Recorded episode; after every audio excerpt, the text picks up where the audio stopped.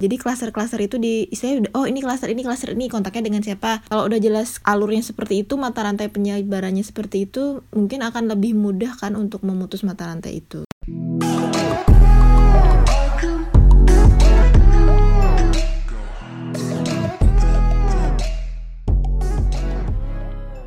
Halo teman-teman, welcome back to podcast bercerita. Jadi kali ini kita akan bahas tentang kejadian dan penanganan COVID-19 di Jepang. Untuk narasumbernya sendiri kita punya dua mahasiswa yang sekarang kuliah di Jepang. Jadi kita langsung aja dengar mereka cerita. Yuk. Assalamualaikum warahmatullahi wabarakatuh. Kenalkan nama saya Ardiani. Hari ini kita akan mewawancarai, kita akan ngobrol-ngobrol santai aja nih uh, bersama dengan Mas Ahmad Ghazali. Beliau ini adalah mahasiswa S3 Science of Biological Environment Yuksas Gifu University Jepang. Nah, apa yang mau kita obrolin hari ini adalah tentang penanganan COVID-19 di Jepang. Jadi, kita pengen tahu nih di Jepang itu sebenarnya bagaimana sih penanganan COVID-19 yang katanya kalau Jepang ini kalau dibandingkan dengan negara-negara lain itu cenderung hmm, penyebarannya lebih rendah dan oke deh kita langsung aja biar nggak banyak basa-basi. Uh, halo selamat pagi Mas Guzali. Halo selamat pagi. Uh, boleh dong dibagi uh, pengalaman atau mungkin pengetahuannya tentang penanganan uh, COVID-19 di Jepang. Jadi pertama pada tanggal 6 Februari itu merupakan awal kasus COVID-19 yang terdeteksi di Jepang. Jadi pemerintah Jepang mulai mengeluarkan peringatan kepada warganya untuk waspada dan berhati-hati. Semua informasi bersifat transparan, daerah mana saja yang terkena, berapa orang, dan sebagainya. Nah, 10 hari berikutnya tidak ada kenaikan signifikan mengenai jumlah penderita COVID-19. Namun pada tanggal 21 Februari, jumlah penderita COVID-19 di Jepang telah mencapai angka 100 orang. Itu pun karena eh, kasus apa itu? Kapal itu ya, kapal pesiar itu ya apa sih namanya? Uh, Diamond ya, Princess, Diamond Princess ya. yang itu membuat lonjakan yang uh, sangat besar terhadap jumlah penderita. Kemudian pemerintah mulai lebih agresif mengeluarkan berbagai panduan tindakan pencegahan penyebaran COVID-19 dan membuka call center di berbagai daerah di Jepang. Nah, warga Jepang yang terkena demam, batuk, pilek lebih dari empat hari atau mengalami sesak nafas dihimbau untuk segera mengunjungi fasilitas kesehatan. Ya, tentu dengan menggunakan masker dan sebisa mungkin tidak menggunakan fasilitas umum dong. Oh, jadi uh, maksudnya itu pemerintah Jepang itu cukup cukup responsif ya? Ya, cukup responsif dan juga masyarakatnya juga sadar diri gitu. Jadi setelah mengeluarkan panduan resmi itu, pada tanggal 29 Februari Perdana Menteri Jepang memberikan konfer konferensi pers langsung terkait COVID-19. Jadi pada tanggal itu ternyata di Jepang sudah mencapai sekitar 200 200-an orang yang uh, kena COVID-19 ya, ya COVID-19. Dan apa tindakan pemerintah? Jadi mereka mengambil tindakan yang lebih tegas beberapa dari daerah-daerah yang uh, banyak apa, infeksinya ya. Banyak infeksinya seperti Hokkaido telah menaikkan status darurat yang sebelumnya seperti daerah daerah lain tidak darurat dan sekarang sudah uh, darurat. Kemudian selain menetapkan status darurat untuk satu daerah aja ya berarti ini bukan buat seluruh Jepang ya? Ya ya untuk untuk Hokkaido aja oh, gitu iya, kan. Iya. Hmm. Masyarakat diminta tidak bepergian jika tidak penting. Di rumah aja gitu ya? Ya, di, rum di rumah aja. Bahasa kita nyamah. ah, ya, ya. Dan apa di selain itu juga diminta tidak melibatkan diri dalam perkumpulan massa dan acara-acara seperti seremoni, kemudian conference. conference, kemudian simposium dan semacamnya itu banyak yang dibatalkan. Dan selain itu sekolah SD dan SMA pun sampai SMA ya. Ya, sekolah SD sampai SMA juga diliburkan. Karena sekolah diliburkan, otomatis ada beberapa ortu bekerja yang harus menjaga anak di rumah untuk pekerja yang seperti itu pemerintah mengeluarkan subsidi. Jadi pemerintah mengucurkan dana untuk tahap awal sebesar 270 miliar, miliar yen. Itu ya sekitar 4 triliun rupiah lah. Oh, banyak banget ya. Uh, iya dong, negara Jepang kan negara kaya. Saat itu kapasitas tes PCR sebanyak 4.000 orang per hari. Eh, sorry, 4.000 sampel per hari dengan waktu cek itu hanya memakan waktu sekitar 4 jam dan ditanggung pemerintah. Ya, pemerintah juga menaikkan fasilitas rawat inap di rumah sakit. Berarti banyak juga ya kalau 4.000 sampel per hari? Ya, banyak sih tapi itu sebenarnya nanti akan naik lagi. Dari tanggal 29 Februari, kemudian 9 hari berikutnya Perdana Menteri Jepang kembali memberikan konferensi pers pada tanggal 9 Maret yang intinya bahwa kasus memang masih naik terus dengan tingkat kesembuhan 15%. Uh, 15% itu 60 eh 86 orang dari total. Pada saat itu. Pada saat Maret. itu 9 ya. Maret, ya. Namun sepertinya karena masyarakat Jepang yang mematuhi anjuran pemerintah jadi sebanyak 80% pada saat itu jumlahnya 420 orang pasien dinyatakan tidak menularkan virus kepada orang lain. Hmm. Jadi ya, jadi Perdana Menteri Jepang masih menghimbau rakyatnya untuk melakukan physical distance dan sebisa mungkin menghindari kerumunan massa. Hebat dong kalau kalau 80% orang tidak menularkan virus kepada orang lain berarti orang Jepang tuh benar-benar nurut ya kalau misalnya disuruh pemerintah untuk diam di rumah untuk nggak beraktivitas di luar gitu 420 orang banyak ya ya ya berarti ya oh, karena itu keren, tadi keren, keren. apa orang-orang Jepang sadar diri gitu sadar diri bahwasanya COVID 19 ini adalah musuh bersama. Jadi bukan hanya tanggungan pemerintah tapi tanggungan uh, masyarakat Jepang juga gitu. Hmm, oke okay, oke. Okay. Terus terus Hmm, jadi Perdana Menteri Jepang eh, apa tadi kan saya katakan 80% itu 80 per, pas 80% pasien tidak eh, menularkan virus kepada orang lain. Nah, jadi setelah itu orang Jepang tidak tidak jumawa, tidak wah masih aman dong, tidak seperti itu. Mereka tetap eh, apa mentaati himbauan pemerintah, mereka tetap eh, apa tidak mengadakan kumpulan massa dan physical distance tetap dilakukan sampai sekarang dan sepertinya akan berlanjut sampai benar-benar COVID-19 ini bisa diselesaikan. Nah, setelah itu belum seminggu dari konferensi pers sebelumnya, yaitu pada 19 eh 9 Maret.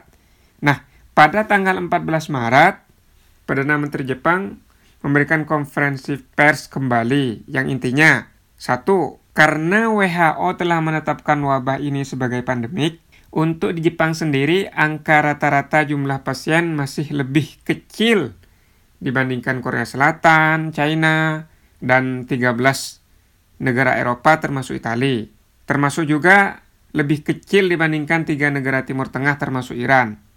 Maka dari itu, saat ini Jepang masih belum berada dalam kondisi diperlukan untuk menetapkan situasi darurat. Hmm. Namun, pemerintah Jepang telah siap mengambil tindakan sesuai prosedur yang telah ditetapkan di undang-undang. Seandainya harus menaikkan status ke status darurat. Mm, mm, mm, nah, kemudian pernyataan kedua pada tanggal 14 Maret itu, Perdana Menteri Jepang masih mengatakan bahwa 80% dari pasien tertular dengan gejala sakit, gejala sakit ringan maksudnya, setelah eh, setengah dari pasien dengan gejala yang bertambah parah kondisinya sudah membaik. Kemudian total pasien yang sudah membaik dan keluar dari rumah sakit kira-kira 40%. Wow, banyak ya? Ya banyak dan ini sebenarnya kemajuan yang luar biasa daripada uh, apa pernyataan sebelumnya. Nah, untuk pasien yang meninggal terpusat, eh sorry, untuk pasien yang meninggal itu banyak terpusat atau banyak dialami oleh pasien uh, dengan uh, usia lanjut atau pasien lansia yang tentu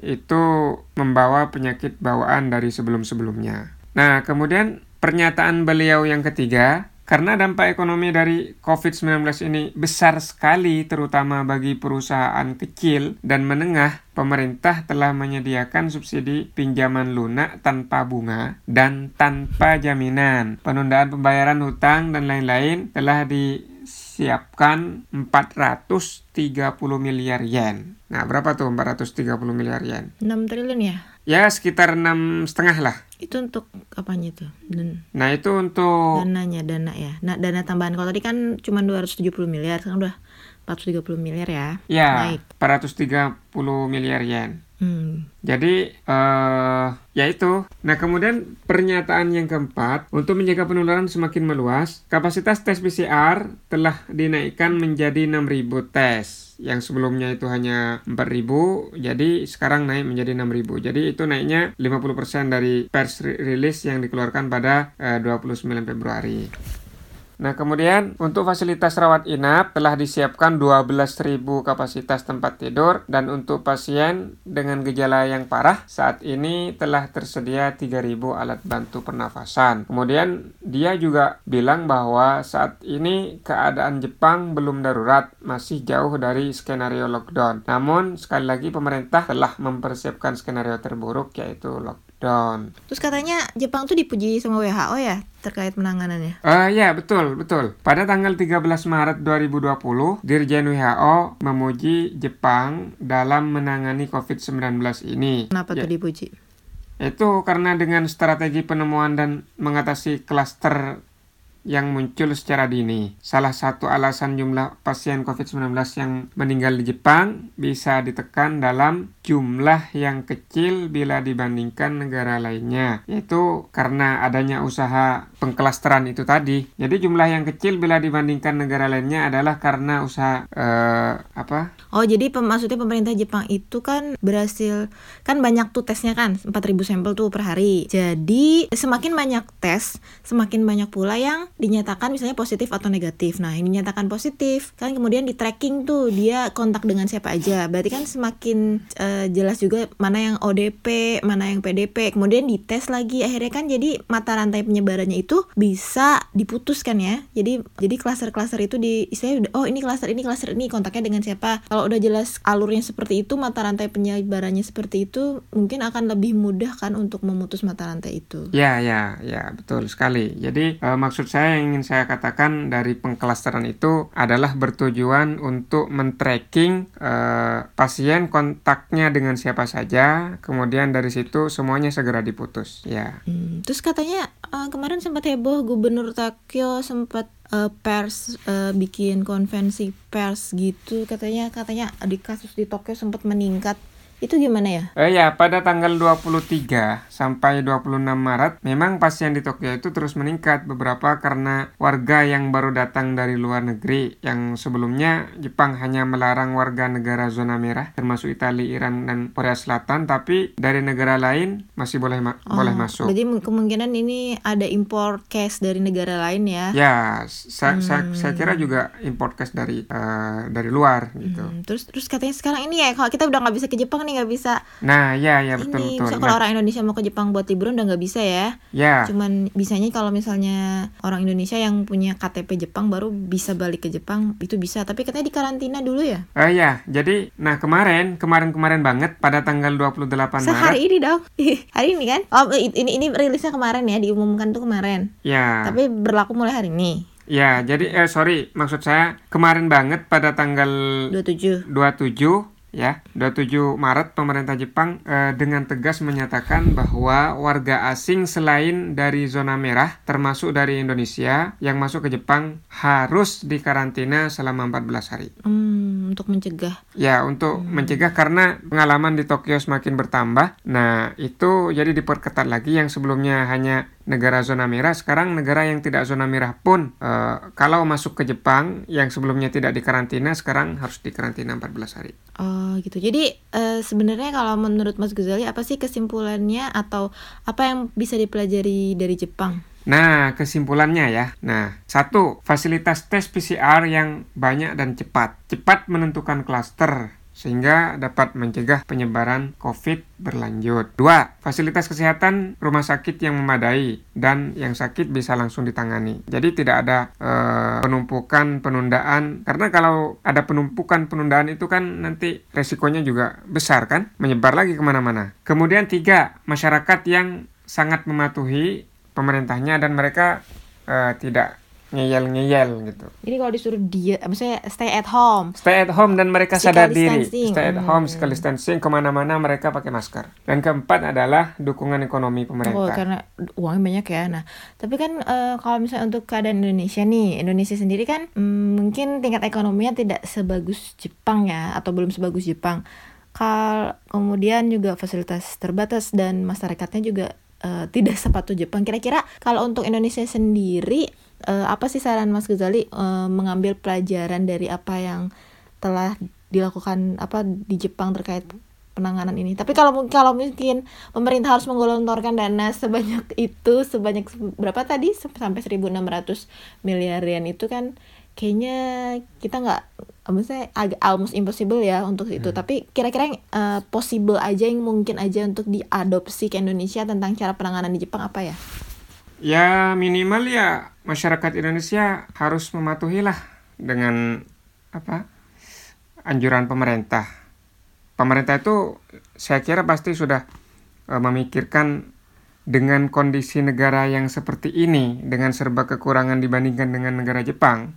Mereka tentu punya strategi-strategi ya di antaranya anjuran mengenai physical distance, tidak pergi ke mana-mana, tidak mudik apalagi sehingga tidak menularkan orang-orang di kampungnya. Oh ini penting ya supaya kita nggak pengen juga ya misalnya Indonesia kayak Italia yang orang anak mudanya pada mudik akhirnya menyebarkan COVID-19 ke mana-mana ya berarti emang ini ya. Ya tentunya kalau mereka sadar gitu kan dengan mereka mudik mereka memberikan risiko kepada keluarganya untuk tertular. Artinya kalau mereka sayang dengan keluarga, mbok ya diem, jangan pulang ke rumah dulu, sabar dulu.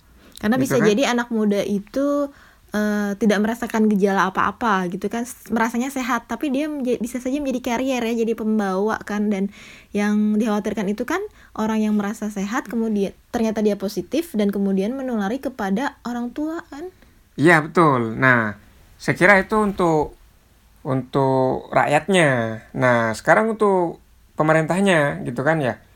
Saya pikir pemerintah harus menaikkan fasilitas kesehatan eh, menjadi lebih baik lagi apa. Terutama masalah Dan sekarang sepertinya ya. udah dilakukan oleh pemerintah menyediakan eh, apa tempat-tempat khusus untuk penampungan eh, pasien.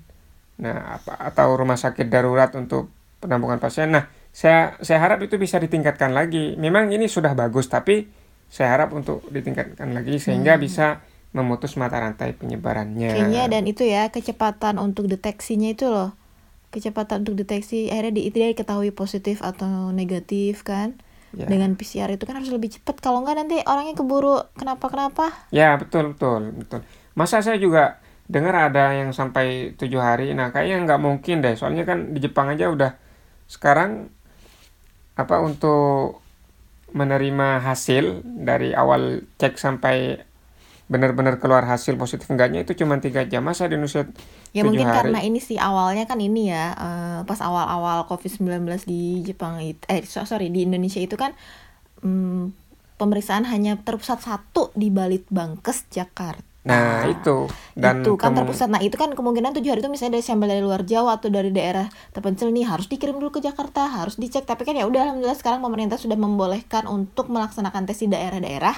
Ya. Jadi harapannya bisa lebih cepat terdeteksi, lebih cepat di klaster, lebih cepat diputus rantai penyebarannya. Oke deh, tidak terasa nih. Wah, udah hampir 20 menit eh, kita ngobrol-ngobrol tentang penanganan COVID-19 di Jepang. Oke, terima kasih ya. Semoga bisa sama-sama eh, menjadi pelajaran ya semoga bisa ada yang bisa diambil hikmahnya dan ini ya guys ya. Oke teman-teman tetap jaga kesehatan dan tetap nurut ya untuk physical distancing. Jangan pergi-pergi dulu ke mana-mana dan tahan untuk jangan mudik dulu. Dan tak lupa untuk selalu berdoa untuk Indonesia yang lebih baik. Oke Amin, amin. bye. Bye. assalamualaikum. Assalamualaikum